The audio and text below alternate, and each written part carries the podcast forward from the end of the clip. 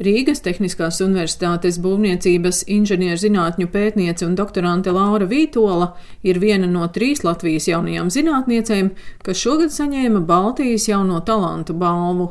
Viņa izstrādā ilgtspējīgus būvmateriālus no atkritumiem vai industriāliem blakus produktiem, piemēram, no pelniem, ko iegūst ogļu stacijās. Mēs varam ražot alternatīvus materiālus klasiskajam betonam, tie var būt dažādi bloku materiāli, jo šajos pelnos mums ir vērtīgie savienojumi alumīnijas, silīcijas, un līdz ar to mēs varam to izmantot kā alternatīvu, teiksim, māliem. Protams, arī mums Eiropā jāiet uz to, ka mēs tomēr esam ilgspējīgi, mēs domājam par vidi, mēs domājam to, ko mēs atstājam nākamajām paudzēm, un tādējādi mēs meklējam šos risinājumus, kā mēs varam atkritumus, blakus produktus atkal laist apritē un tādējādi neizmantot tos resursus, kuri mums ir pasaulē ierobežotā daudzumā. Laura Vītola atzīst, saņemtā balva liecina, ka dzīvē izvēlējusies pareizo ceļu un vienlaikus tas ir stimuls uzsākt to turpināt. Lai arī es pārstāvu tādu vīrišķīgu jomu būvniecību, es teiktu, ka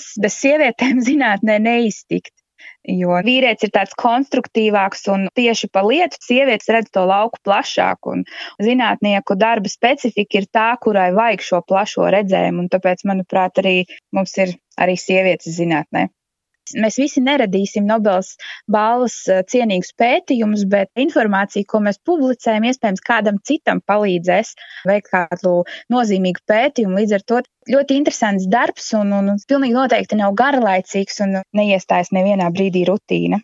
Tas, kas noteikti trūkst zinātnē, ir tas, ka nav pietiekams bāzes atbalsts kas uh, ir citās pasaules valstīs. Un katru gadu beigās mēs domājam atkal, ko mēs darīsim nākamgad.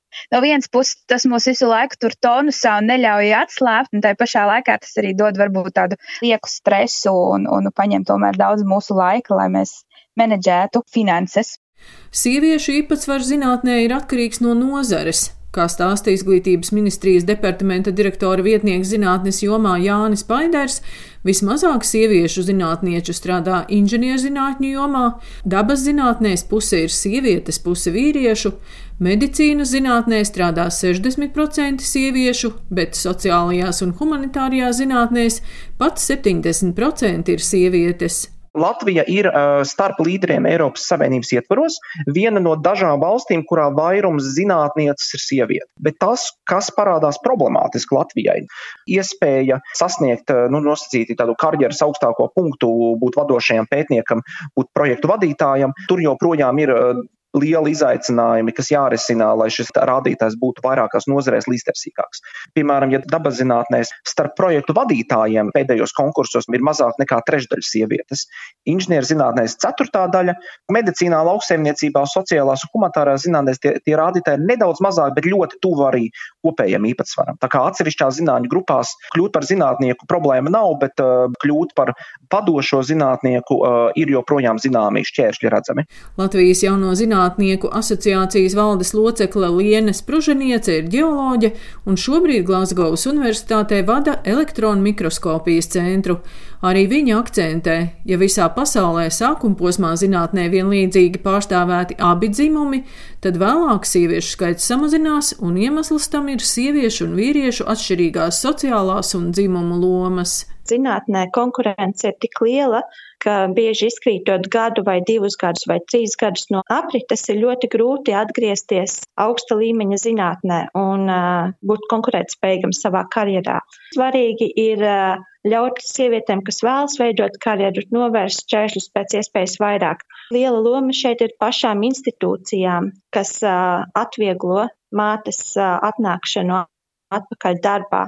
Piemēram, ārvalstīs bieži vien universitātēs ir bērnistabas, kur sieviete var atnākt ar savu bērnu, viņai ir kur nomainīt tautiņus, viņai ir kur nolikt bērnu gultiņā vai stūrītī, un tad viņa var strādāt pie saviem rakstiem. Latvijā, ja ir, tad tas ir ļoti īpašs gadījums, jo vairāk mēs varam samazināt šo disproporciju mātes un tēva iesaisti ģimenē, jo vairāk tas atvieglotu sieviešu darbību zinātnē. Nav pētījumu par atalgojumu zinātniekiem Latvijā, bet ņemot vērā, ka atalgojums ir piesaistīts amatam un sievietes mazāk ieņem vadošus amatus, arī viņu atalgojums ir mazāks nekā vīriešiem. Daina Zalamane, Latvijas radio.